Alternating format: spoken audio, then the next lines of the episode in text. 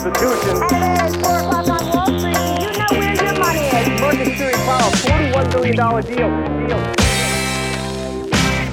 Då var det dags för ytterligare ett bonusavsnitt av investerarens podcast. Jag har med mig ett konfektyrbolag idag, Cloetta.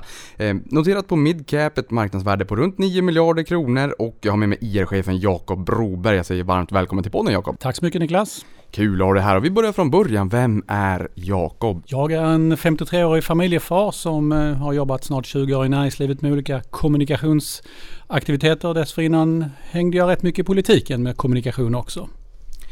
Där kan man säga, bara superkort, vad skiljer egentligen kommunikation i den politiska världen kontra näringslivet?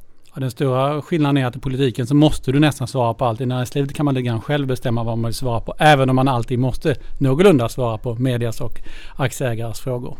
Då ska jag försöka göra mitt allra bästa. Att om det är så att de här influenserna från politiken kommer upp idag, då tänker vi inte släppa frågan, men det tror jag inte. Jag vet ju exakt vad jag ska svara då så att du inte ska få svar på min fråga.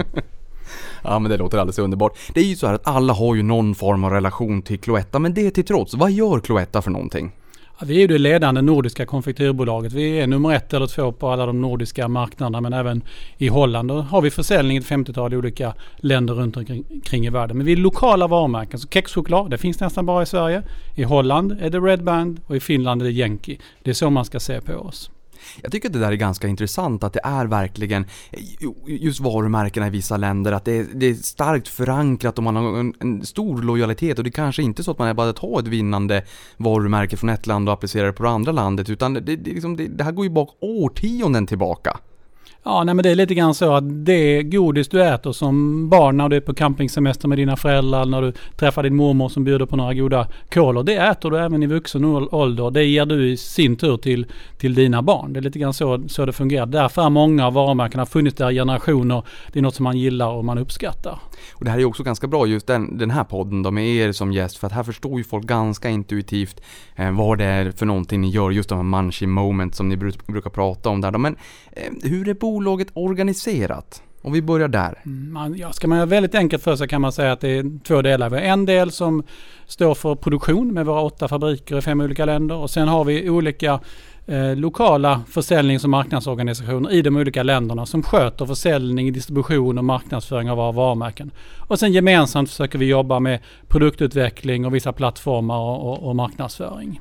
Och just den där produktutvecklingen då, är det, när ni säger att ni jobbar gemensamt med det där, är det folk här på huvudkontoret i Stockholm då så att säga, eller har ni lokalt folk ute i de olika länderna? För precis som vi sa här alldeles nyss så skiljer det sig ganska mycket mellan de olika länderna när det kommer till vad man favoriserar. Mm. Ja, produktutvecklingen finns i länderna och i fabrikerna, så det finns runt omkring. Och vi har olika kompetenscentra så att säga. I, chokladfabriken är det chokladutvecklingen och vid godisfabrikerna godis och i pastillfabrikerna pastiller. Så det är lite grann så det fungerar. Tänker Kalle chokladfabriken och då undrar man vilket land är det där då? Då kommer jag direkt till nästa fråga och det är ju hur ser den geografiska mixen ut? Du menar i försäljning eller i produktion? Ja, egentligen, nu tar du produktion här i, i fem länder. Då har ni minskat ner från de här sju länderna tidigare. Eh, Men jag tänker snarast kanske försäljningsmässigt. Mm. Sverige är vår största marknad med drygt 30% av försäljningen och Finland med ungefär 20%. Så bara de två länderna står ju för hälften. Men sen har vi Holland med drygt 10 eh, och drygt 5% vardera i Norge, eh, Danmark, England och Tyskland.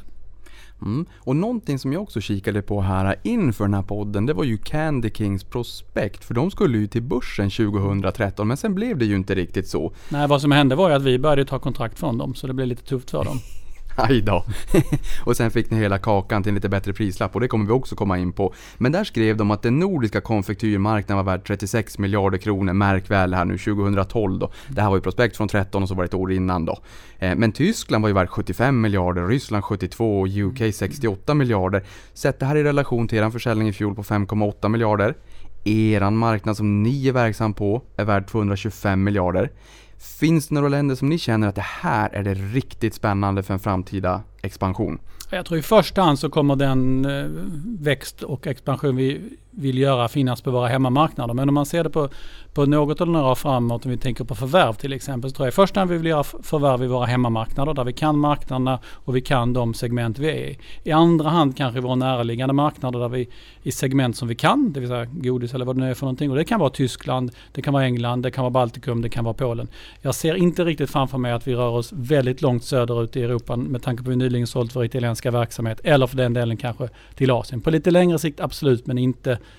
inte på kort, medellång sikt. Nej, och det där är ju också lite intressant, för just är det så att det blir i framtiden då en geografisk expansion, är det just via förvärv? För ni vill ju inte riktigt starta så mycket själva och håll, ha den där enorma startsträckan med att bygga upp varumärken.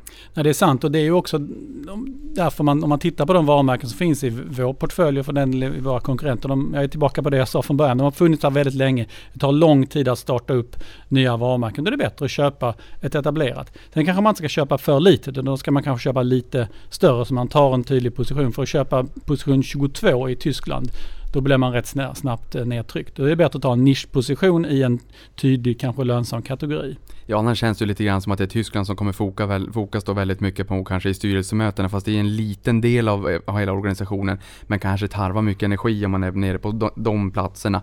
Och du sa ju tidigare här att eh, i, i eran produktportfölj så hälften av varumärkena var äldre än 1950, eller fanns i portföljen 1950, men det här var ju innan ni avyttrade Italien och Sperlari. Hur, hur ser det ut nu och vilka är era största varumärken? Ja, våra största varumärken är ju fortfarande varumärken som har funnits där ganska länge. Om du tar Läkerol från, som är över 100 år. Du har Fenko i, Tyskland, i eh, Holland från 1878. Malaco har funnits där i snart 100 år. Det är också det är några av våra största varumärken. Så de har funnits där i åtminstone minst 50, snarare 100 år. Så även både föräldrar och, eller ja föräldrar, vi är ju olika generationer du och jag då, men oavsett när man lyssnar på det här om det är en själv eller föräldrar eller mor och farföräldrar så känner ju alla till varumärkena kan man ju lugnt säga då. Exakt. Eh, men just försäljningsmässigt då, ni har lite olika marknader, eh, ni har en närvaro i UK, alltså i Storbritannien med 5% av omsättningen. Hur påverkas ni av Brexit? Ja, vi påverkas naturligtvis så mått att, att lönsamheten blir alltid under press i och med att vi tillverkar ju inte i, i England utan vi tillverkar ju i euroland huvudsakligen. Och det är klart att när valutan går fel så påverkar det ju eh, lönsamheten i, i England. Men jag menar över tid så är jag övertygad om att England är en marknad vi ska vara på. Det är som du själv sa en stor marknad med, med stor potential. Vi har efter förvärvet av Candy King fått en rejält fotfäste med, med, med väldigt mycket människor i eh, England som vi kan bygga vidare på. Men det är lite grann en plan på medellång sikt snarare. Men skulle det där i sådana fall kunna vara lite grann som vi var in på här nyss då med, med tilläggsförvärv? För att bli ännu större eller är det mer nischat? Jo men det har vi sagt. England mm. skulle mycket väl kunna vara en sådan marknad. Eh, kanske inte just här och nu. Nu ska Nej. vi fokusera på integrationen av Candy King. Det behöver vi jobba lite till med men, men sen så absolut kommer vi titta vidare på det igen. Nu kommer en romanfråga och då kan vi säga att den svenska marknaden är störst med 34% av omsättningen och marknaden som helhet är värd 16,2 miljarder kronor då. Det här ska sättas i relation till er andel på 2 miljarder ungefär, då har vi er totala försäljning på 5,8. Så att 2 miljarder av hela er omsättning är i Sverige. Sverige är den största marknaden med 34%. Ni är störst på godis och pastiller. Konkurrenten eller kollegan Mondelez i USA som äger Marabou är störst på choklad. Och inom förpackad konfektyr har ni en marknadsandel på 23%. Det här är lite intressant tycker jag. Mondelez har 31%. Fatser som ni var gift med förut, ni gick skilda vägar, har 7%. Jag kan tycka att geisha är gott i butiken i och för sig, men, men jag visste inte att det var så pass liten marknadsandel, men det är det ju uppenbarligen. Och sen har vi EMV, alltså egna märkesvaror mm. där butikerna själva, ICA, Axfood med flera har egna märken på en jättelång fråga så är det egentligen ett jättekort, eller på en jättelång utläggning så är det egentligen en kort fråga. Finns det någon sannolikhet framåt att ni går ihop med Mondelez, eller kanske Marabou i sånt fall, eller skulle ni bli för stora då? Ja, vi skulle bli för stora, absolut. Och jag menar om du eh, om du tar de två, tre stora spelarna i Sverige. Jag, nu är jag inte konkurrensexpert men jag har väldigt svårt att säga att det skulle vara så att vi skulle kunna gå ihop med, med Mondelez. Så det finns inga synergier med er nya finanschef som ni tar då som har haft 14 års erfarenhet från Mondelez? Nej, jag tror inte det. okej. Okay.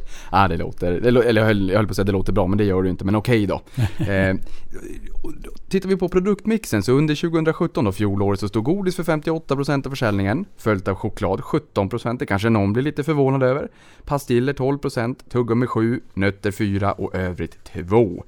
Ni förvärvade ju Nutisal 2014 och sen fick ni Parrot via Candy King i fjol då och sen nötmarknaden är värd 5 miljarder i Norden, växer 3 till 5% årligen, alltså snabbare än, än, än godiset. Samtidigt som egna märkesvaror här står för en tredjedel. Det är en ganska stor andel måste jag ändå säga. Jag skulle säga att egna, egna märkesvaror eller private label står för mycket större andel egentligen inom nötter. Det är snarare hälften eller mer i, i, i realiteten. Vad man kan säga är att det sätter mycket stor press på lönsamheten om det nu skulle vara din fråga inom, inom nötter. Men jag tror att nu när vi får Parrots från Candy King och, och Cloettas um, sal så finns det möjligheter att, att, växa och jobba ihop. Men vi måste jobba igenom det bättre och vi har inte tillräckligt kanske stor kritisk massa för att få riktigt den lönsamheten vi önskar eh, inom, inom vårt nötsegment. Men jag tror att det är en marknad man behöver vara på lång sikt och då får man ha tålamod.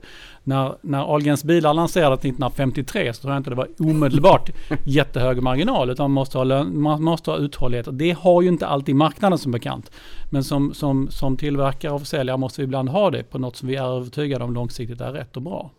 Men, men, hur kan man också öka vallgraven där? Kan man ta fram lite grann de här semigodisarna, inte de här vanliga nötter och cashewnötter och så, utan de som är lite chokladragerade så tycker man att nötter, jag köper det för det är mycket nyttigare. Mm, ja, men, men, det är lite grann så det är ju på, på, på gott och ont ska jag säga. Folk, tycker att natursnacks är nyttigare och bättre men sen köper de själv de nötter som är täckta med choklad istället. Och då är det ju nästan lika mycket energi och socker som i vanligt godis. Ja. Men, men, är det också så då att ni ska försöka ta fram nötsorter då som kanske blir favoriter som gör också att det, liksom, det finns ett sug och en efterfrågan för era nötter istället för de här EMV? Är det så man kan göra för att kämpa framåt? Ja, alltså vi, vi måste ha ett produkterbjudande, ett koncept som är bättre och, och eh, smakar bättre än, än, än de egna varumärkena. Det är bara enda skälet till att vi kan få konsumenter konsumenterna att köpa våra produkter. Vi måste alltid sätta konsumenterna i första rummet. Det låter bra. Eh, priset på nötter, det är ju högre. Det är ju högre än lösvikt och det kanske man kan inse att jo, men det är säkert dyrare att ta, framställa det här och sådär också. Men, och, eh, både en lösvikt och stycksaker ska vi då tillägga. Men då kan man ju fundera lite grann kring, är lönsamheten bättre på nötter? Nu har du sagt att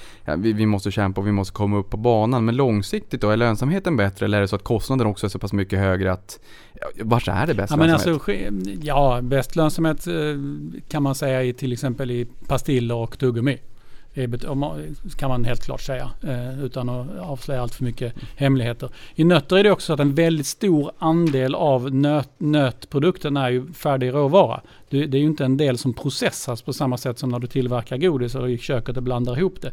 Så det innebär att förädlingsvärdet är ju egentligen lägre i, i nötter än vad det är i, i vanligt godis eller, eller choklad. Det innebär att vi är mycket mer beroende av råvaruprisernas upp och nedgångar på, på nötterna. nötterna. Då är det i vissa fall så att det svårare också att styra det framåt. Just det. Det här var ju också lite grann problem med Italien med, med nötpriserna eh, för kan det vara? Var det december, eller ja, Q4 två, två år sedan? Ja. Mm, mm. Just det. Ni vill ju helst inte starta nya varumärken själv utan då förvärva de här starka och befintliga varumärkena och era tio största varumärken de står för 46% av omsättningen.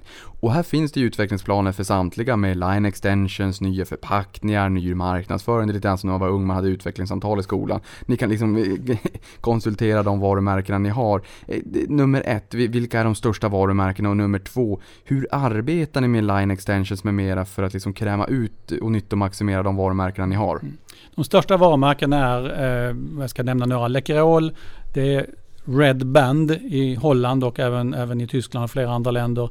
Eh, Malaco naturligtvis väldigt stort, kexchoklad, Yankee i Finland för att nämna de fyra, fem största varumärkena. Och vad gäller produktutveckling så finns det olika sätt att jobba. Det ena är klassiska och det enkla. Det är nya smakkombinationer. Polyso som vi lanserade nyligen. Du tar so och poly och så blandar du ihop det och alla älskar båda produkter funkar jättebra. Poly är väl en av dina favoriter Niklas, är det ja, inte det? Ja det är det faktiskt, ja, det är exakt. riktigt gott. Jag har Polyzo med mig till dig idag, så du ska få det efteråt. Det låter ja, men Så det är det enkla, nya smaker. Det andra är mer när du ska så att säga, hitta nya innovationer som ska liksom, tillgodose ett, ett nytt segment. Vi lanserade förra året till exempel um, Crazy Face som var en produkt riktad mer till tonåringar. Det kräver då mer produktutveckling, mer investeringar i produktutveckling, mer investeringar i marknadsföring och därmed lite svårare.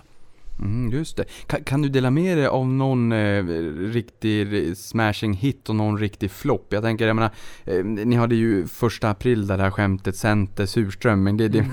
ja, den, den, var ju aldrig på, på riktigt så att säga, så det blir ju en flopp per, per default. Men har ni någon riktig sån här smashing hit och någon som Polly kan... var en stor smashing hit. Mm.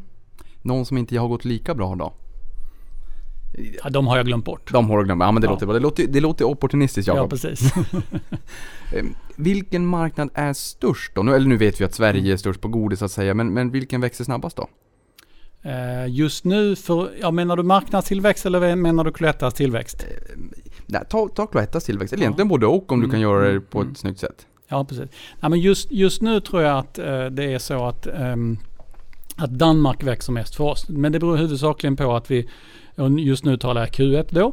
Eh, det har att göra med att eh, vi hade eh, tappat en stor kundkontrakt förra året och som vi nu har liksom jobbat tillbaka. Det är klart, då blir jämförelsetalen enklare.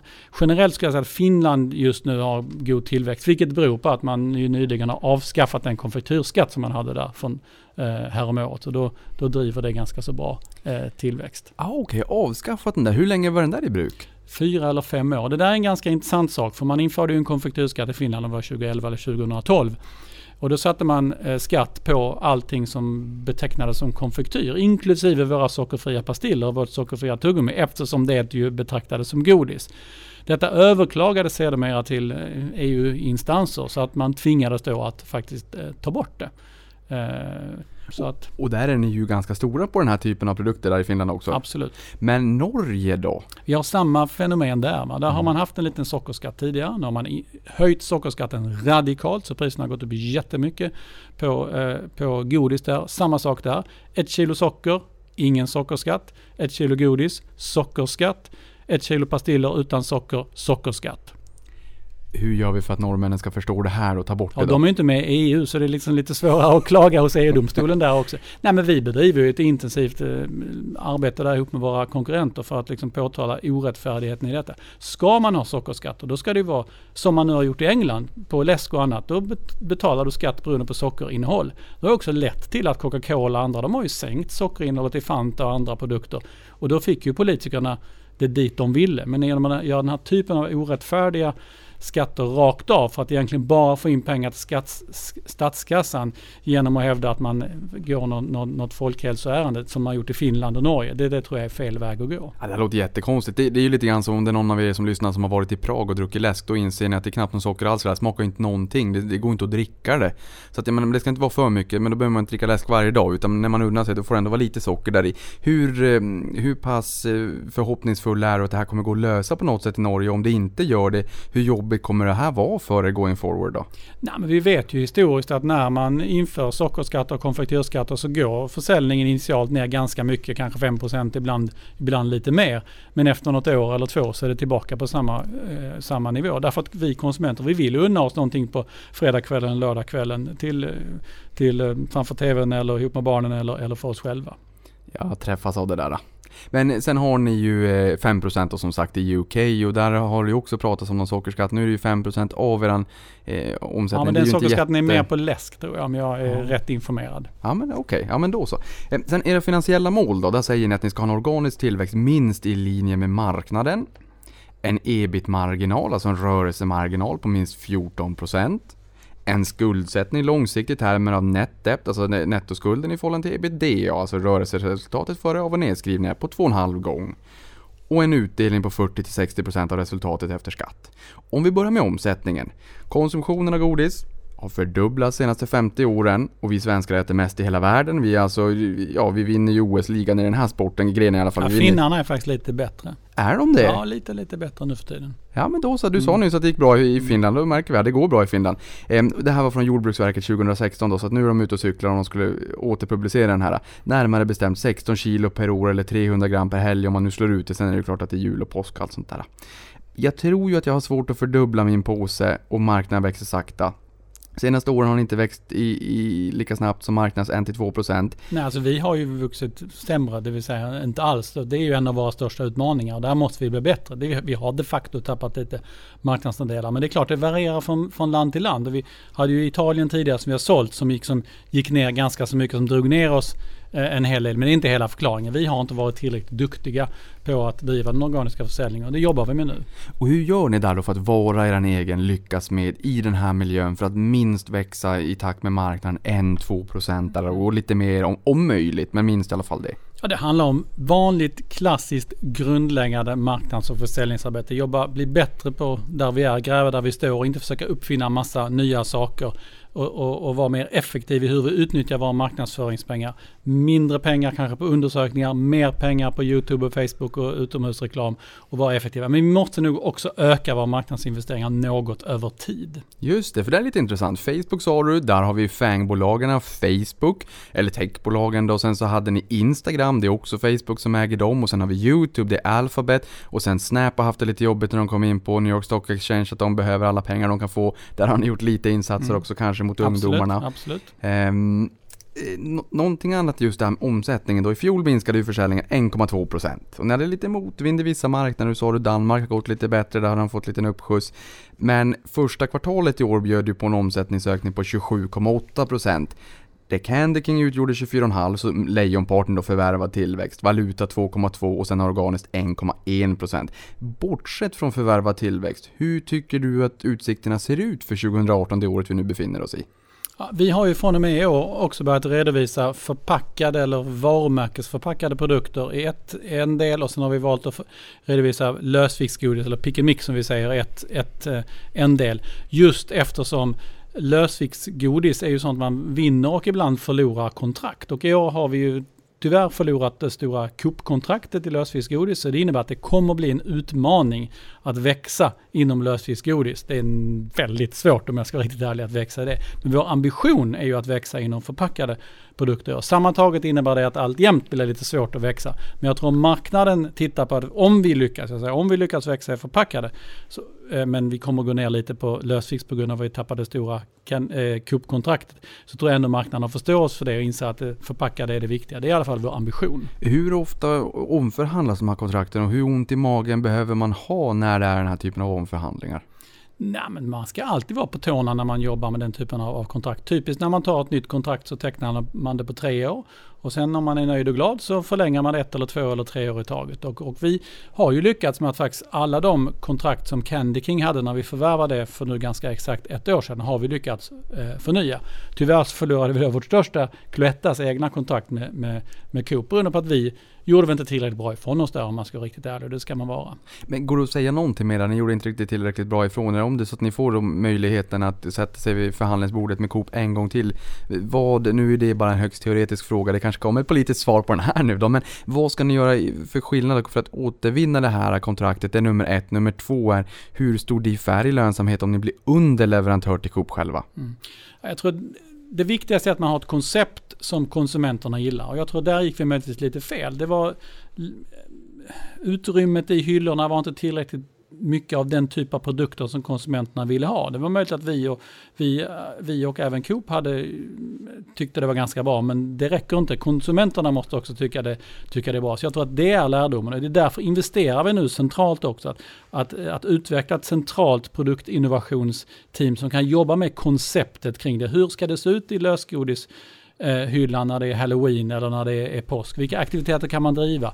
Hur ska hyllorna se ut? Vad kan göra oss bättre där än konkurrenterna? Det är det som är, är, är lärdomen egentligen. Men när du säger också det här med innovation, för jag menar, nu- tar jag bara en siffra ur luften, jag tror att det var 700-800 olika sorter ni har på lösvikten totalt sett. N- när vi pratar om innovation, kan det även komma en, en hel del nya varianter i lösvikten för att liksom locka konsumentens gunst? Ja, ibland kan det vara ett bra sätt också att testa produkter i lösvikt som du sen kan lansera förpackat.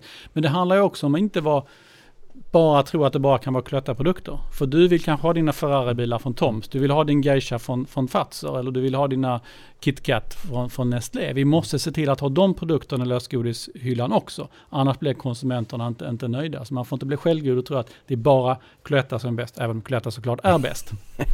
Nej, jag brukar faktiskt ha lite geisha i, i, ehm, i påsen också och det lite sådana här dimebitar också om jag ska vara helt ärlig. I fjol omsatt... Ja, och hade du inte haft det hade du kanske inte köpt det hos oss, eller hur? Va? Och då bevisar ju det jag säger är rätt. Ja, nej men absolut. Mm. Nej men visst är det så. Jag håller helt med. Det, och det blir just det här em, bra mm, totala utbudet så att säga. Och jag menar, men det innebär ju att de här blir också underleverantör till er då, om, om det är så att ni som Mm. äger kontraktet så att säga. Så, så blir det. Just det. Ehm, ja, då, då kan man ju säga, du, du har väl också sagt att de godisarna som är högst upp är de med, med eh, som, som är bäst att plocka med, med lägst marginal? Det, det stämmer. Ja, bäst. Ja, vill, om vill, du vill ha value for money ska du plocka längst upp. Det låter bra.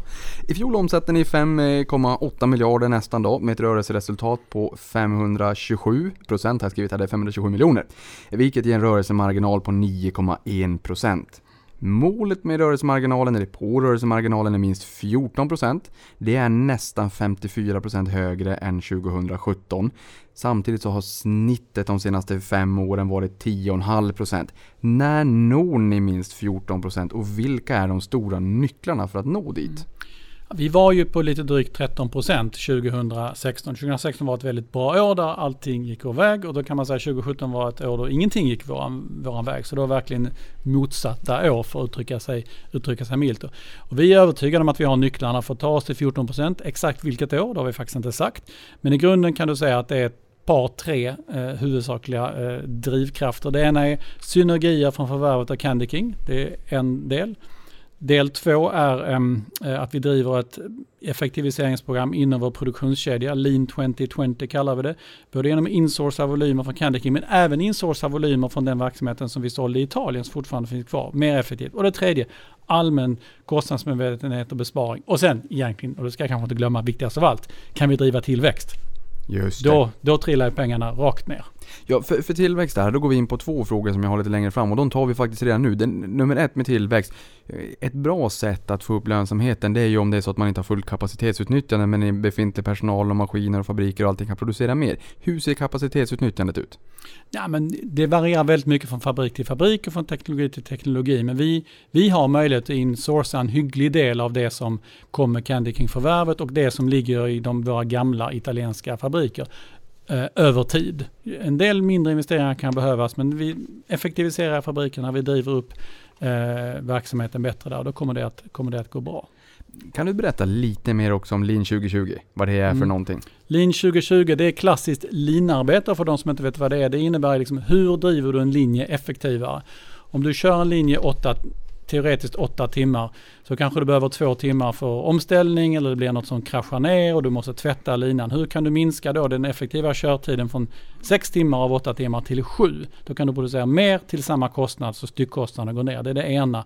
Det andra är att du kan, du kan så att säga minska svinnet, du kan minska eh, materialåtgången, energiåtgången. Det är liksom alla de sakerna är ihop som så att säga kommer att bidra till att, att eh, lönsamheten och effektiviteten går upp. Mm, det låter bra. Sen har vi skuldsättningen också som är under målet nettet ebitda då som vi sa alldeles nyss här då alltså nettoskulden i förhållande till rörelseresultat före av nedskrivna på 2,5 gånger det står i finansiella målen då. För andra året i rad så har ni klarat er att ligga inom målet från 4,19 gånger 2013 till 2,39 då före Q1 och före årets utdelning. Ehm, innebär det här att ni har torrt krut going forward för förvärv? Absolut, det, det, det finns det helt klart. Och vi valde ju också att göra så att en stor del av de pengarna vi fick in när vi sålde vår italienska verksamhet valde vi att dela ut som en engångsutdelning. Istället för att egentligen ta ner skuldsättningsgraden långt under, under vårt mål. Vi ville vara tydliga med att det var, en engångs, att det var en, just en engångsutdelning och därför valde vi att inte justera den ordinarie utdelningen. Jag vet en del ifrågasätter varför gjorde vi inte det? Men vad då? Lönsamheten gick ju faktiskt ner 2017. Då är det inte rimligt att höja den ordinarie utdelningen utan då låg vi kvar på samma nivå som, som tidigare. Just det, och det är lite intressant också med det starka kassaflödet här. Det, det, mm, från den löpande verksamheten har ökat 443% sedan 2013 och i fjol var kassaflödesmarginalen 12,3%. Vad är en rimlig nivå långsiktigt i termer av kassaflöde? Ja, vi mäter det på ett helt annat sätt. Vi har något som vi kallar cash conversion som vi sagt ska ligga på kring 80% och där har vi legat de senaste åren. Så jag, jag ser att den nivån där vi ligger nu är ganska så rimlig. Och de som inte är med på cash conversion, den definitionen då, hur definierar ni det? Ja, alltså det handlar om liksom hur mycket, ska jag förklara på ett enkelt sätt, hur mycket pengar har man över när man har gjort sina investeringar i, i verksamheten kan man säga. Ja, okej. Okay. Det här kassaflödet, det borde ju borga för en fin utdelningskapacitet och dit och en höjning över tid, även om ni inte nu höjde här nu senast, även om det är så att ni fick lite frågor på det och ni hade ju ett knackigt ord också så att ja, det, det fanns väl kanske skäl till det då. Samtidigt så brukar det sägas att skäl till utdelning är att man inte hittar sätt att sysselsätta slantarna. Um, don't kill the messenger. Um, nu gjorde ni ju en extra utdelning då efter försäljningen av Italien. Ni delade ut 75 öre ordinarie, 75 öre för, för likviden då från, från Italien. Hur gick tankegångarna här innan ni bestämde för att nej, men vi gör en extra utdelning av det här? Nej, men tanken gick just som jag sa, nämligen att vi ville tydliggöra att det var engångspengar, då delas de ut. Lönsamheten gick ner, så att vi har ju ett finansiellt mål att vi ska dela ut 40-60% av, av, av vinsten i aktieutdelning. Och vi delade ut, om jag minns rätt, 54% under eh, 2017. Så vi ligger ju då inom, inom den, det, det vi har signalerat att vi ska göra. Och vad vi har sagt framåt är att vi ska dela ut 40-60% och därutöver ska vi göra förvärv just 2018 vill vi inte fokusera på förvärv för vi behöver fokusera på att integrera Candy King. Just det, och efter att ni integrerar Candy King och sen när det blir mer aktuellt eh, fokusförvärv då, så spelade det ingen roll att ni delade ut likviden från Cloetta Italien eftersom att ni ändå har just det här med skuldsättningsmålet så har ni ett hårt krut att, att köpa trots att ni gjorde en extra utdelning så att det, det spelar egentligen Absolut, ingen roll. vi har en ja, checkräkningskredit, vad det nu kallas på nu, nu för tiden, på, på en ganska så rejäl slant så vi kan göra förvärv om det behövs. Just det. Du eh, Jakob, eh, för de som sitter hemma och funderar kring de andra favoriterna man har i godispåsen och sådär eh, och stycksaker som inte ingår i er familj. Jag förstår, det kan, du kanske inte kan säga någonting om spännande förvärv framåt eller åtminstone vilket håll ni skulle vilja mot eller? Nej men det enda jag kan säga, jag var lite grann inne på det tidigare, att i första hand vill vi göra förvärv inom befintliga kategorier, det vill säga de kategorier vi är i, i befintliga geografier. Därför då kan vi kategorierna, vi kan marknaden och vi kan plocka ut synergier för det är samma marknad. Det kan vara inom sälj, inom marknadsföring eller inom produktion. I andra hand förvärv i befintliga kategorier men i närliggande marknader. Just. Längre så vill jag inte gå. Nej, ja, men det låter bra. Då gick vi någorlunda långt i alla fall. Sen 2017 var ett förändringens år när ni avyttrade Cloetta Italien vi var in på nu då. Den stod för 12% av omsättningen så köpte ni Candy King. 12% av omsättningen men samtidigt sa han att det här är nog positivt för marginalen. Då förstod man att Italien var lite jobbigt och släpade lite grann på marginalen för er. Eh, det här förändrar koncernstrukturen ordentligt och ökar fokus på lönsam tillväxt på nord och västeuropeiska marknader samtidigt som synergier skapas, står det i redovisningen. Berätta mer. Nej men egentligen så är det så att Italien har varit eh, kämpigt för oss i många, många år. Vi har inte haft tillväxt, vi har haft dålig lönsamhet, vi har inte haft full utnyttjande i de fyra fabriker som fanns där. Alternativet var att göra en rejäl omstrukturering av den italienska verksamheten. Det är besvärligt, vet alla som kan Italien och södra Europa. Det har kostat mycket pengar. Så att därför valde vi att avyttra den verksamheten samtidigt som vi fick möjlighet att göra ett större förvärv i Norden som är våra hemmamarknader. Vi dubblade vår storlek i, i Norge och Danmark. Vi fick en rejäl ehm, eh, starkare närvaro i, i, England. Plus att vi skapar synergier i storleksordningen 100 miljoner som vi identifierat. Och det är synergier genom att vi kan slå upp sälj, säljkårer och, och eh, de som sköter plock i butik, backoffice, funktioner men framförallt Candy King hade inga egna fabriker och en hygglig del av de ton som eh, Candy King säljer kan vi ta in i våra egna fabriker. Och där kommer de stora synergierna egentligen in. Just det, intressant. Och nu kommer vi komma in på just Candy King. Och jag måste säga det här med Lean 2020, du Jakob, är ju faktiskt Lean. Därför att vi, jag har eh, av erfarenhet så brukar jag säga att runt 20 frågor blir en timme. Jag hade 55 idag tror jag. Jag har ingen aning om hur vi skulle ta oss igenom dem. Vi är på fråga 24 så det här går ju geschwint. Eller hur, inga problem. Inga problem. Ja, effektiva och bra svar. Jajamän, ja, ja exakt. Men även inte riktigt politiska. Jag, jag är ju gammal politiker ja, men jag tycker på de svaren jag vill, men sen kanske jag är för dåligt drillad för att inte gräva vidare då. Nej, då, det går bra tycker jag. Ja, det låter bra. I fjol köpte nu Candy King, det har vi pratat om då, för 325 miljoner. Tilläggsköpeskilling om möjligt för 225 miljoner innan, kort insvävning här bara. Hur ser det ut? Ser det ut som att det kommer att bli tilläggsköpeskilling? Ja, vi, vi, ja, nu har jag inte i huvudet exakta siffran men jag, jag minns rätt 170 eller 180 miljoner i den storleksordningen. Så vi är nästan där men inte, men inte fullt ut. Nej, för när de skulle in på börsen då 2013 så var det ju en värdering kring miljarden.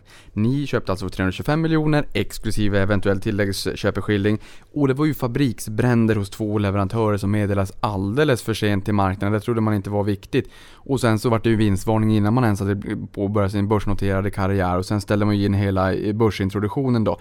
Eh, vad fick ni konkret i köpet av Candy King för de som undrar? Ja, men vi fick ju tillgång till en väldigt viktig del av marknaden i Norden. För att lösfiskgodis är 30% av den totala marknaden i Sverige. Det är 10-15% av den totala marknaden i, i, i Norge, och Danmark och Finland. Enligt min åsikt så kan man inte stå utanför en så pass stor del av marknaden. Vi måste vara på den marknaden. Alternativet var ju att vi själva hade byggt upp den kompetensen ännu mer och slagits mot Candy King. Men här fick vi en möjlighet att, att få in kompetensen och få in kontrakten, kundrelationerna och, och eh, kunnandet på ett ganska så effektivt sätt. Så kontrakten och relationen i och med att de inte hade produktion själva och den produktionen kan ju ni insourca era fabriker. Så det var egentligen då kontrakterna och know-how på de marknaderna och ja, den exponeringen. Ja, men sy synergierna är mm. att förglömma. Jag menar det, och jag tror det finns ingen annan potentiell köpare som skulle ha den typen av synergier som, som, som vi hade. För vi var ju halvstora på lösviktsgodis både i Finland och Sverige tidigare. Så där fanns ju tydliga synergier inom distribution och sälj. Eh, plus då all insourcing som, som få andra skulle kunna klara av. Ja, och det hade ju Candy King en omsättning på närmare 1,2-1,3 miljarder. Ebitda-marginal, nu är det alltså inte ebit-marginal utan vi ligger till av och nedskrivna ebitda-marginal på 5,4 procent. Men i praktiken så tjänade Candy King inga pengar. I praktiken inga pengar. Och ni har målet på 14%. Ni har också, med de synergierna ni pratar om, ni har know-howet från er marknad. Eh, och får ju liksom, kan ju verkligen gifta ihop de här två målet har ni ju själv om 14%. När kommer Candy King att nå 14% eller är det så att ni har andra områden som måste vara mer lönsamma? Jag, jag tror inte du ska se det som att Candy King själv ska nå. Nej, utan hela, hela organisationen? Ja, alltså, alltså mm. men jag är tillbaka till vad jag sa tidigare. Vi kommer inte tala om när vi har ambitionen att nå 14%. Vi är bara övertygade om att vi kan nå det. Mm. Om vi tittar på lösfiskgodis, så marginalerna där ligger eller kommer att ligga eller ska inte ligga på mer än 3-5%. Okay. Och då ställer mm. sig frågan, jaha men hur är det möjligt? Jo, men om vi då insourcar en stor del av den produktionen till våra fabriker, då plockar du ner kostnaden per producerad enhet för alla andra produkter. Så sammantaget bidrar det till 14% därför att, därför att en gott och blandat produkt blir billigare att tillverka och vi kan då tjäna mer på det när vi säljer det förpackat eller när vi säljer det i, i, i, i lösviktsgodishyllan. Det är så, så man ska se det. Och det är ju också så att vi har ju ganska stor spread inom våra produktkategorier idag. Det är inte så att det finns de som tjänar mer än 14% och de som tjänar betydligt lägre än 14%. 14%. Så det är inte konstigare än det att du har olika mixer eller olika lönsamhet mellan olika produktkategorier. Just det. Ja men okej, okay, men då är vi med att, och det, det, förstår ju både tror jag, jag och de som lyssnar på att alla produkter kan ju inte bidra med samma marginal. Vissa måste ju vara forwards och vissa måste backar och, och, och mittfältare och sådär. Men eh, just integrationen med Candy för att få upp lönsamheten, för du sa i praktiken så tjänade de inga pengar. Hur går den här integrationen? Tjänar de lite mer pengar nu så att säga när ni har, när ni har haft en tid på er? Går det åt rätt håll? Absolut. Eh, eh, integrationen går helt enligt plan. Jag menar så sent som nu första maj så kom eh, hela Candy King-verksamheten utom England in i vårt eh, affärssystem till exempel. En stor och viktig del. Eh, och vi har precis påbörjat insourcing men vi är fortfarande bara i början av den resan som ska pågå minst, minst tre år. Minst tre år. För då är det lite intressant också. Förvärvet bedöms årligen kunna generera synergier om 100 miljoner kronor i årstakt. Eh, värderingen var EV ebitda, alltså det, det hela, vad ska man säga, värderingen på bolaget på skuldfri basis i förhållande till rörelseresultat före av nedskrivningar på 4,6. Det är lågt. Yes. Tilläggsköpeskilling 7,8 fortfarande hyggligt. Mm. Ehm, och räknar vi in då det, det, den här, de här synergierna, verkar prislapparna attraktiv och det här ska ju materialiseras 2018, 2019. Det är ju nu. Ja, eller 2020 har vi sagt. 2020. 2020? Ja, men okay. det är ändå ganska snart Eh, nu har du ju varit in på det här ganska mycket. Har vi uttömt allting hur synergierna tas ut i det här? Ja, jag, jag tror det. Mm, ja, men då så. Och i, sen nästa då, det var ju också hur, hur lånkt man har kommit, och, men, men, det har vi också lite grann varit in på. Men hur stor andel av försäljningen är just lösvikt då? Ser... I, idag är det ungefär 30% av totala omsättningen som är lösviktsgodis. Oh, alltså inte bara, för det är väl runt 30% Nej. i Sverige precis, det också? Råkar men... vara, det råkar vara samma. Det råkar vara samma. Ja, okay. Så att all, i hela Cloetta-koncernen totalt, alltså alla marknader, så är cirka 30% av det vi säljer eh, lösviktsgodis. Och 70% är då förpackat varumärkesgodis. Just det. Eh, sen dagligvaruhan, dagligvaruhandeln har ju under många år ökat sin andel EMV, alltså egna märkesvaror för att stärka marginalerna. Vi har ICA Basic, gamla Euroshopper och ICA Selection, Coop, Garant, Eldorado med flera. Eh, ser ni något hot från EMV när det kommer just till er nisch och hur, hur, hur ser trenden ut där? Mm. Generellt kan man säga under de senaste 5-10 åren så har inte egna varumärken ökat på något markant sätt inom konfektyr. Möjligtvis med undantag från Holland där det är betydligt tuffare, eh, tuffare konkurrens. Så att det är så, man vill ha, man, du vill ha din Ahlgrens bilar, du vill inte ha ICAs bilar om jag säger så. Med all respekt för ICA, men, men så att än så länge har vi varit duktiga på att produktutveckla och, och, och driva våra produkter och våra varumärken. Men man kan liksom inte vila och tro att det är för tid och evighet. Så vi måste hela tiden vara bättre och utveckla våra produkter och göra dem relevanta för nya generationer och nya användare år efter år.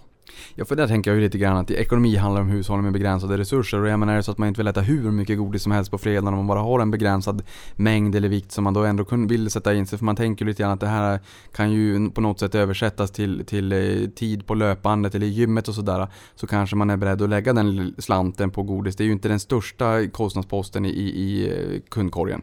Nej, och konsumenterna är ganska prisokänsliga. Du vet inte vad en påse Ahlgrens bilar kostar. Om jag säger att den kostar 10 så är det bara jag köper den. Om jag säger att den kostar 20 så köper du den i alla fall. Om du vill ha den. Därför det är impuls, impulsprodukter. Men jag menar, vi måste också titta till de trender som finns. Och en av dem är ju att det pratas ju mycket mer om att man ska vara mer hälsomedveten. Det är mindre socker, den typen av saker. Och vi jobbar ju nu med att, att vi har börjat i Holland förra året att lansera vårt huvudsakliga varumärke där, Red Band, motsvarigheten till Malaco i, i Sverige, Norden.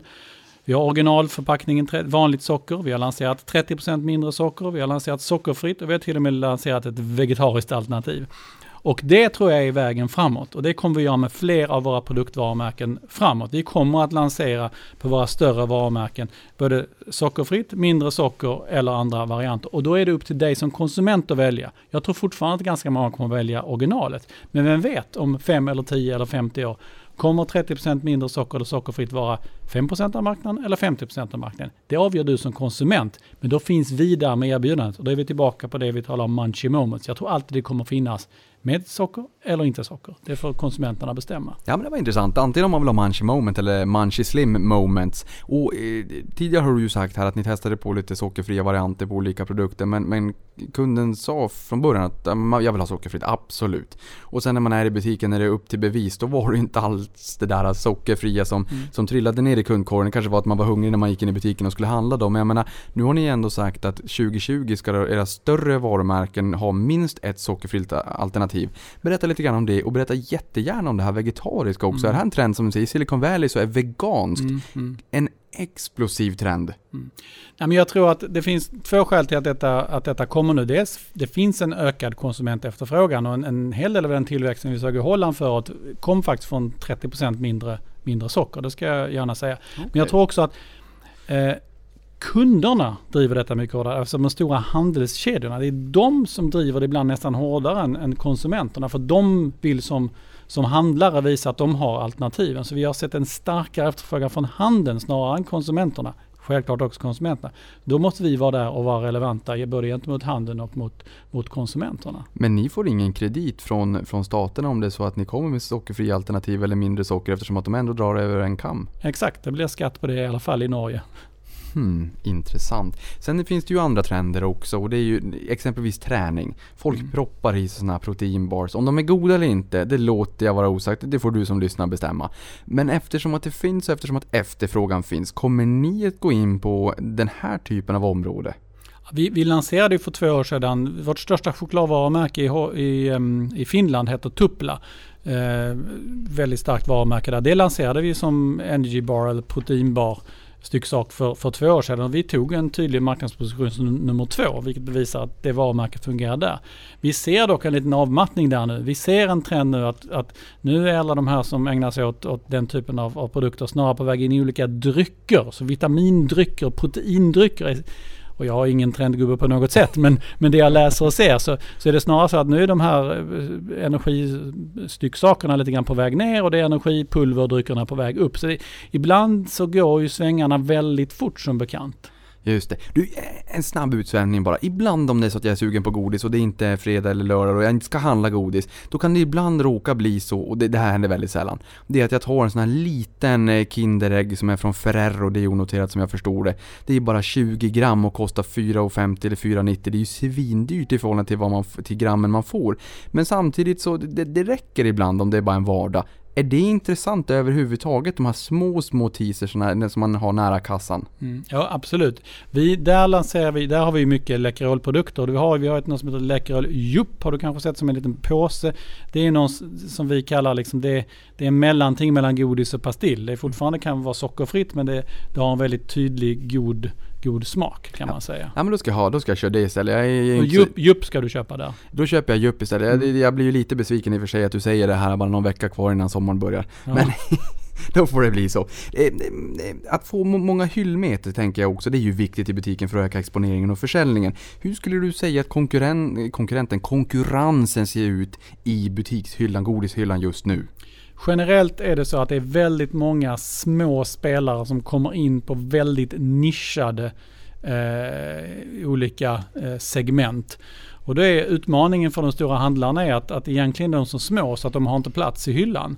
Men då, är, då händer det lätt att, att eh, de, handeln tittar på de stora, det vill säga på oss och på Fazer och Mondelez eller vem det nu är och säger att ni får ta bort en gott och blandat och så hänger vi in den här lilla nisch-nisch-spelaren. Och sen kommer jag till butiken på söndag och då ser jag att den där lilla nischspelarens pinne den är fortfarande full men min gott och blandat eh, pinne är tom. Så då menar jag att där gör handeln ibland fel. Mm, ja, jag förstår precis vad du menar. Vad är en optimal exponering i butik då för att maximera försäljningen? Jag brukar säga att man ska träffa våra produkter på fyra ställen om du nu går in i, i, in i butik. Du ska naturligtvis träffa på våra produkter i vanliga godisavdelningen, eh, i godishyllan. Du ska träffa på oss i plockgodisdelen, ja det är egentligen samma, samma ställe. Du ska träffa på oss i, i kassan. Eh, och sen ska du i bästa fall på ett eller två ställen till ska du hitta en pall kexchoklad, köp tre, betala för två.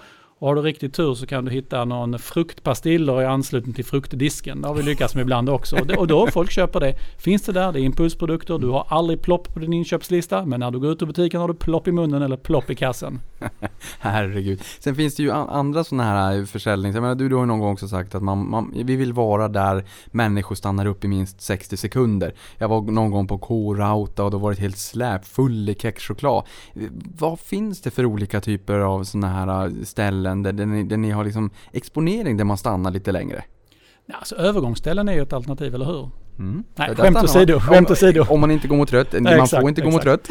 Nej, men jag tror man kan säga så här. I Sverige, där är vi nästan 100% distribuerade. Vi är väldigt, väldigt duktiga här. Men jag, om jag tror på de andra länderna, där har vi långt ifrån full exponering i den här typen av K-Rauta eller Bauhaus eller, eller kanske i små kiosker. Jag menar, om du åker ut i minsta lilla kiosk långt ut in the middle of nowhere i Sverige. Nog hittar du Ahlgrens bilar och kexchoklad där. Så är det inte i Norge eller i, i Holland. Så där har vi mer att göra. Och det kan ju faktiskt också vara ett sätt för oss att att driva distribution och därmed driva, driva tillväxt. Ja just det, och öka marknadspenetrationen där. Precis. Eh, Ni skriver i årsredovisningen att konfektyr utgör en av de mest impulsdrivna varugrupperna, precis som du var in på nyss här då i detaljhandeln. Över 80% av köpbesluten tas i butiken, eh, varför varumärke då, tillgänglighet och varumärkesplacering är betydande framgångsfaktorer.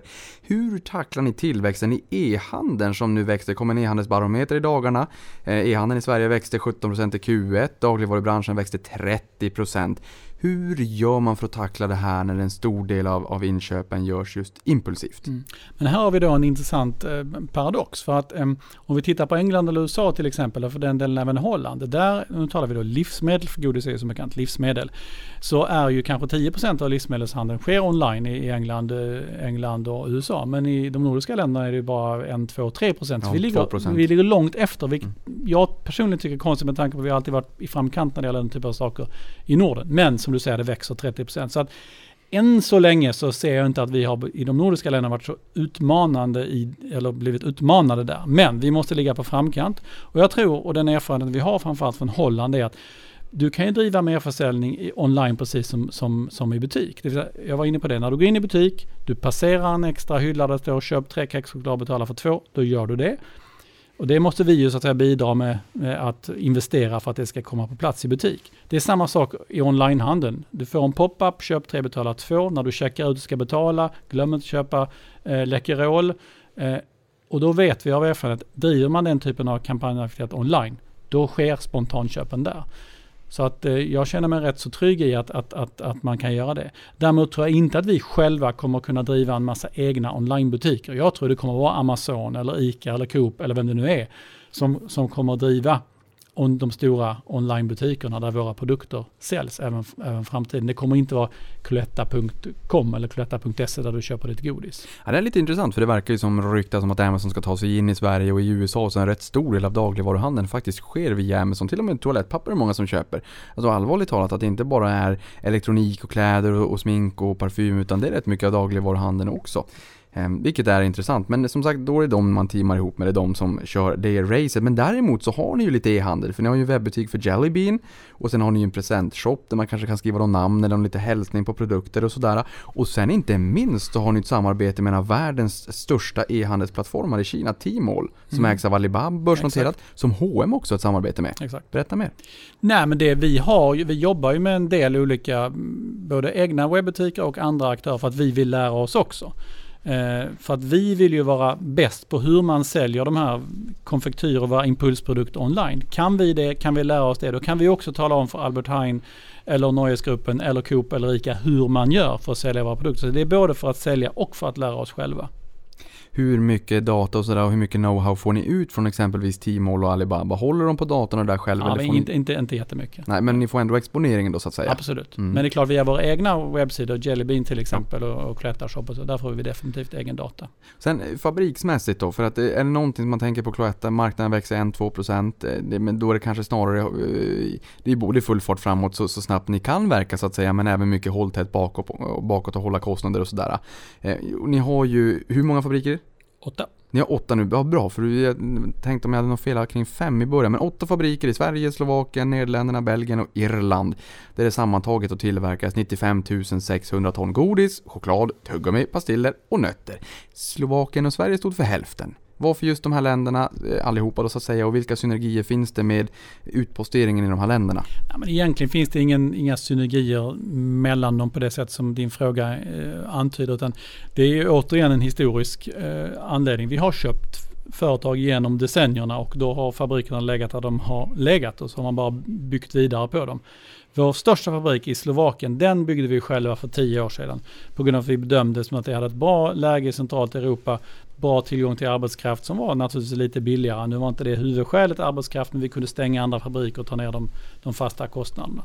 För, för när jag tänker Cloetta, som sagt, det, växer inte jättemycket, eh, marknaden växer inte jättemycket. Visst, man kan, man kan käka varandras marknadsandelar och sådär. Men ni, ni kan köpa ett bolag och sen så flyttar man hem produktionen och kanske lägger ner den fabriken och sådär, får upp kassaflöden, betar ner skulden och köper på nytt. Är det så man ska tänka kring Cloetta? Hur, Ja, jag, jag, jag kan ge dig ett exempel. Vi köpte för, tror jag, tre år sedan nu Lonka som var en mindre spelare i Holland. De hade två fabriker.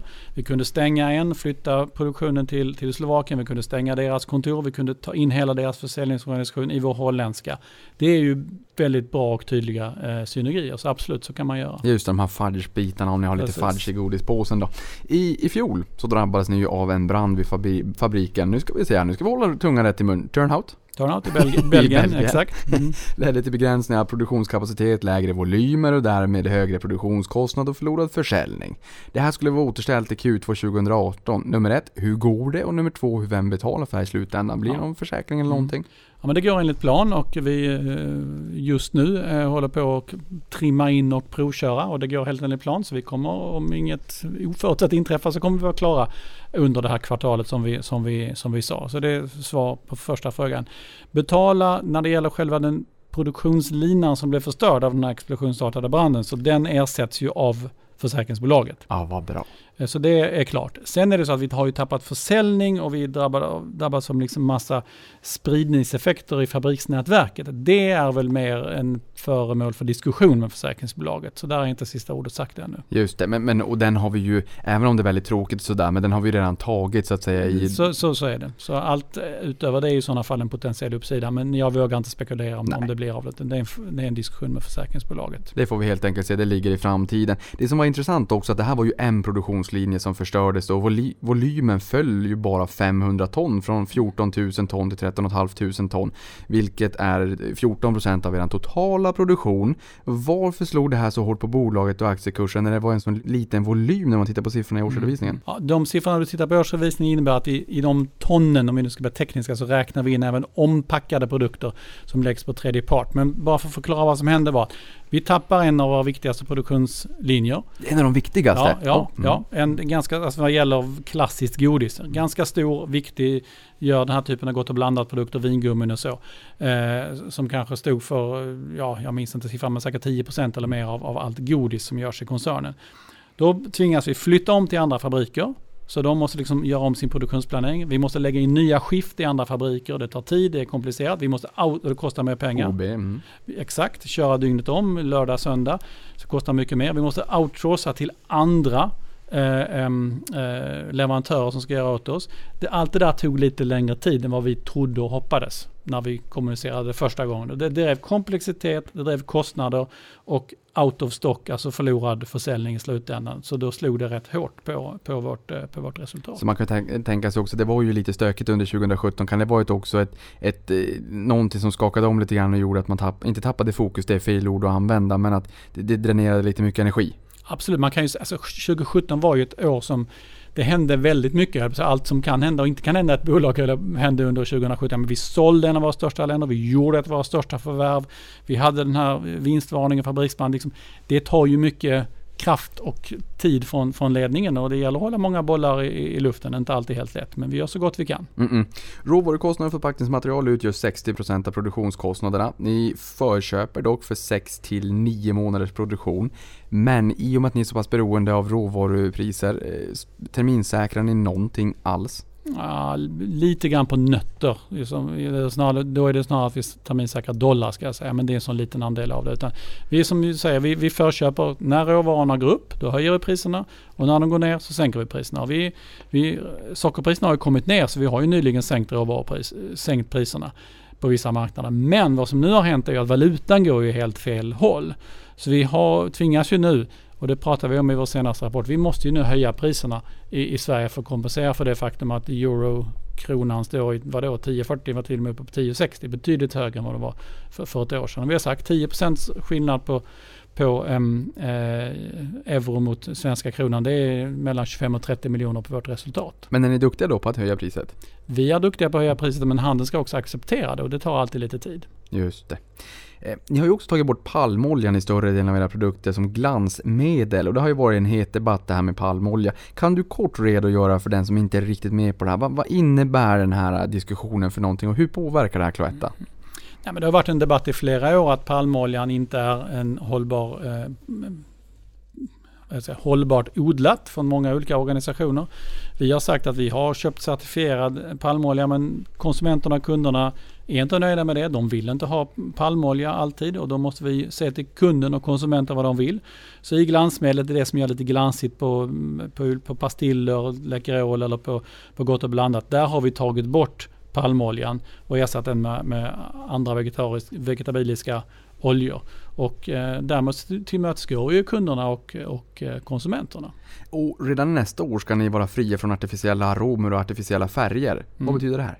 Ja, det betyder att det finns i en del produkter eh, färgämnen och aromer som, som är konstgjorda om man får använda det uttrycket. det har varit vår ambition i, i, många år att jobba med att ta bort det. Jag hoppas och, och tror att det ska komma i, i, i, mål. Men det är ett stort projekt och kräver mycket utvecklingsresurser. Det här med vegetariskt som du var in på tidigare också. Vad riktigt är det för produkt som blir vegetarisk? Nej men det, det, det, det har att göra med att vi har ju gelatin i mycket av vårt godis i, i vingummi den typen av saker. Då använder du andra ingredienser istället. Nu är jag inte produktutvecklare så jag kan inte på rak svara exakt vad det är men, men, men det är andra, mm. andra saker och då, då blir det vegetariskt. Och det är definitivt en, en trend idag också. Vi måste ju vara där, där konsumenterna är. En fråga som jag fått på Twitter handlar om premiumchoklad. Finns det några planer på att ge sig in i segmentet premiumchoklad? Nu berättade du tidigare här att man fortsätter att fördjupa närvaron i de områden ni redan är verksamma i, men det till trots premiumchoklad, Jakob? Nej. Nej, kort och koncist svar. Sen är det ju så här också. Alla bolag eh, drabbas ibland av tråkigheter. I fjol så var det insiderförsäljningar. Det var inte alls roligt att läsa om det här i, i, i media och nyheter. Kommentar på det?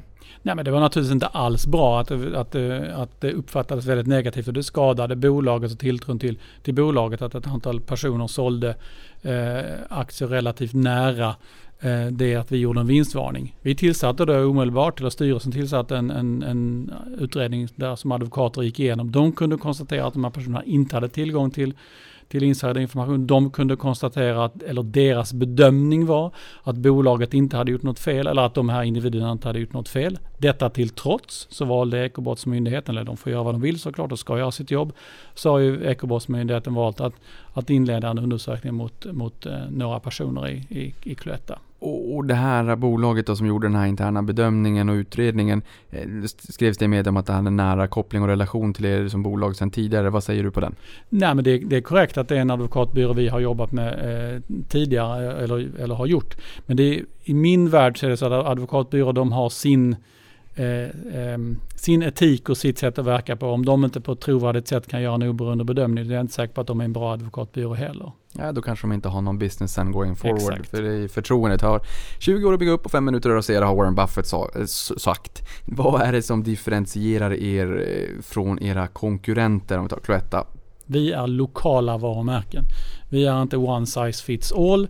Utan du har dina varumärken du känner igen från, från barndomen som du har haft hela tiden. Och, och jag tror också om du, om du tittar på mat och annat runt omkring i världen. Jag menar det, du har dina lokala sedvänjor eller din lokala mat eller vad du äter eller vad, vad du gör. Sen tar du gärna in influenser från andra länder och, och, och internationellt. Och det gäller naturligtvis godis, godisindustrin också. Men oerhört starka positioner på våra hemmamarknader med oerhört välkända varumärken som alla vet vilka de är. Och vad skulle du säga där då om man är nyfiken på att kika på Cloetta som bolag och man sitter hemma där och vill göra någon, en, en vettig analys av bolaget. Vilka nyckeltal tycker du är viktigast att ha koll på för att förstå bolaget och, och eh, själva, eh, men eran performance så att säga. Ibland går ju aktien åt ett håll och bolaget åt, åt ett annat håll. Vad är det viktigaste att titta på? Ja, men det viktigaste är att titta på att vi naturligtvis att vår, att vår vinst utvecklas uppåt och ökar och går i rätt riktning. Men också att vi förmår att växa i linje med marknaden som vi har sagt, 1-2%. Om vi bara gör det så kommer vinsten levereras givet alla synergier och annat, annat vi har. Och sen har vi väldigt starkt kassaflöde. Vi är en konjunkturokänslig eh, aktie. Jag menar folk kommer alltid äta våra produkter oavsett ned eller uppgång i, i, i, i världen. Ja men precis, ja men det, det, det kan jag ju tänka mig att det, det är ju enkelt också att förstå för det tänker jag, så är det ju för mig och säger det säkert för många som lyssnar här också så att eh, ganska ocykliskt för konjunkturen så att säga, kanske lite mera känsligt för de här längre trenderna då med ve- veganskt och mindre socker och allting men ni är ju på de där grejerna. Ja, fråga, den stora frågan är, är det längre trender eller är det inte det? Det, Det är en bra fråga. Det, det vet man inte, för Nej. många trender tror alla under två, tre år. Och jag har varit med så länge nu så jag har sett trender komma och, och gå, men sockerkonfektyr tycks bestå. Ja, du, sen är det ju också så här Malfor, Malfors Promotor som är eran eh, största ägare. Där läste jag en artikel om att eh, där han eh, en gång här 1918 för 99 år sedan Ja det är ju faktiskt 100 år sedan. Det här, hur är det med matten Mm, nu? För 100 år sedan till och med. Så var han på väg upp till Stockholm, hade blivit nyligen då eh, ägare till Motala chokladfabrik va. Och det där tåget kraschade, det, det spårade ur och det var den största tågolyckan i svensk historia. Men han överlevde vilket var tur. Och nu hans barnbarn har sägs ha varit och starke man i Cloetta och jobbat där i 40 års tid. Det här är ju en historia som kanske inte är jättekänd kring, kring eh, några individer som har varit väldigt inflytelserika eller en familj då. Det är ju stiftelsen här då som ska äga enligt stadgan upp till 50% av Cloetta. Berätta! Nej, men de, den stiftelsen, Hjalmar Svenfeldts stiftelse genom sitt bolag Malfors Promotor, de har varit majoritets eller huvudägare i, i Cloetta sedan eh, 1917, alltså 100 år. Vi är nu inne på fjärde generationen eh, som har tagit över och som, som driver stiftelsen och driver, driver bolaget. Så att de har ett väldigt, väldigt långsiktigt ägande och är en tydlig ankarinvesterare i Cloetta. De har alltid varit oerhört stödjande i den strategi vi har drivit genom att göra förvärv, aktieutdelningar, mycket supportive hela tiden. Och då vet man också, man, eh, om man tittar på det eller lyssnar på det här så vet man kanske då att Malfors Promotor har tankat på sig lite aktier här den senaste tiden. Det är precis som i fallet familjen Persson så kanske det inte är timing man ska utgå ifrån där utan men, men samtidigt då veta att det här är en ägare som är inne långsiktigt så att säga. Det är min bedömning, absolut. Försäljning av godis inom servicehandel såsom bensinmackar har minskat på senare och dels på grund av ett antal mindre bensinstationer runt om i landet och i olika länder. Även fast ni har, finns i Autogrill, vilket är jättestora i Italien va? Exakt. Just det, de är börsnoterade också. Ehm, Och sen har de ju valt att utveckla sina egna mellanmålsalternativ om vi tar exempelvis Circle K bara som ett alternativ eller OKQ8 eller vem det än är. Vad finns det för nya försäljningskanaler som ni sneglar på? Ja, men först av allt vill jag säga det vad gäller bensinstationer. Det är klart att eh, det har vi antytt tidigare. Det har ju minskat rejält. Folk kör mer energisnåla bilar. Eh, det är mer diesel. Så jag bedömer att kanske 30% av alla bensinstationer har försvunnit de senaste åren. Och det har varit en väldigt viktig kanal för oss. Ovanpå det, så det märker du själv om du åker in på din bensinstation att mellanmålsalternativ i form av mackor, korvar och annat har ökat. Så, så det är klart att vi har varit lite grann under press där. Och för att kompensera det, det är då vi har gått in på, på nya alternativa, alternativa kanaler. Och det är, det är de här eh, Bauhaus och Rusta och, och, och, och och allt vad de nu heter för någonting. Där fanns vi inte för 10-15 år sedan. Där finns vi idag. Du har om du är i Stockholm och åker tunnelbana så hittar du i de här ehm, eh, varuautomaterna. Det fanns ju inte där för, de fanns för 30-40 år sedan men var borta länge, är nu tillbaka. Där finns vi. Så det, alla sådana ställen måste vi jobba med att, att, att finnas på. Just det. Och nu tänkte jag nästan eh, inte vara kritisk mot en konkurrent, för det ska vi inte vara så här. Men jag tänker ändå lite grann på, på Mondelez och Marabou, för att de har ju arbetat lite grann med shrinkflation. Det vill säga att eh, storleken på förpackningarna minskar och priset ökar så att man inte ska märka så Ja, mycket. vi har gjort tvärtom. Vi har ökat på vissa och höjt priset. Ja, ja bra. Jag har höjt priset. Ja, Okej då, för men råvarupriserna har ju ökat. Men då håller ni inte på med sånt där fuffens för att lura konsumenten i alla fall. Vi kan mycket väl jobba med den typen av, av Mm. saker Mm. ibland också för att, för att få upp lönsamhet. Därför det är väldigt tufft att driva igenom prisökningar i handeln. Och när vi är under, under eh, behov av att öka vår lönsamhet så kan det vara så att man behöver göra vissa aktiviteter för att, för att em, eh, få upp lönsamheten. Men vi undviker det in i det längsta. Ja men det är bra, för det kan vi också säga att Bregott smör, det kostade 30 kronor och sen så var det någon mjölkbrist och gräddbrist och allt vad det var. Sen kostade det 40 spänn och sen har det kommit ett smörpaket som heter Brynt. Och då kan man ta 120 spänn kilot istället. Det har kommit till handeln ganska nyligen. Eh, och det är ju ett bra sätt också med kanske sådana mindre förpackningar på, på nötter eller på det där lilla godiset som jag pratade om. För att om ni tar, om, om godis kostar eh, 50 spänn kilot eller 70 spänn kilot så spelar det ingen roll om man betalar 200 spänn kilot om det är 20 gram. För jag vill bara ha den där lilla och det är inte så stor peng ändå. Nej, exakt. Du är inte särskilt priskänslig. Men jag menar, vi, vi kan ta ut högre priser när vi lanserar nya produkter, nya smaker, nya varianter. För då, är, då vet man att det är nytt och då, och då är, investerar man i det. Just det. Sista frågan. Personer med anknytning till Fazer, är den skilsmässan, ni gick åt skilda håll här för en tid sedan, har lovat att inte köpa mer aktier i bolaget på 10 år. Det löftet försvinner, går ut nu i december. Vad kan hända? Ja, Det är inget jag vill spekulera i det, utan det är helt och hållet en ägarfråga. Det, det var ju lite en eh, känslig ägarfråga en gång i tiden när det begav sig och det var väl ett fientligt bud på Cloetta om vi nu inte ska spekulera utan bara berätta hur det faktiskt gick till va? Nej men det var väl så att man, man slog ihop Cloetta och Fazer för ett antal år sedan. Det såg ut som en väldigt bra affär på, på pappret. Två starka chokladbolag. Men det blev lite grann av landskamp har jag, för jag var inte där då. Man fått det beskrivet för mig. Och, och sen blev det väl också lite strid i, i styr, styrelserummet för att tala klartext. Och man, man var inte helt överens och valde då att gå skilda vägar. Och som en del i det så gjorde man ett avtal om att Fazer inte under en tioårsperiod skulle få förvärva aktier i, i Cloetta. Just det, och sen är ju kanske lite sargat hög skuldsättning och allting och sen har ni kört en marginalresa och sådär. Så då hoppas vi att ni får köra det i lugn och ro, ro även framåt och helt enkelt. Jakob, stort tack för att du kom till podden och berättade mer om Cloetta. Tack så hemskt mycket, det var kul att vara här. Tack för att ni lyssnade på det här också.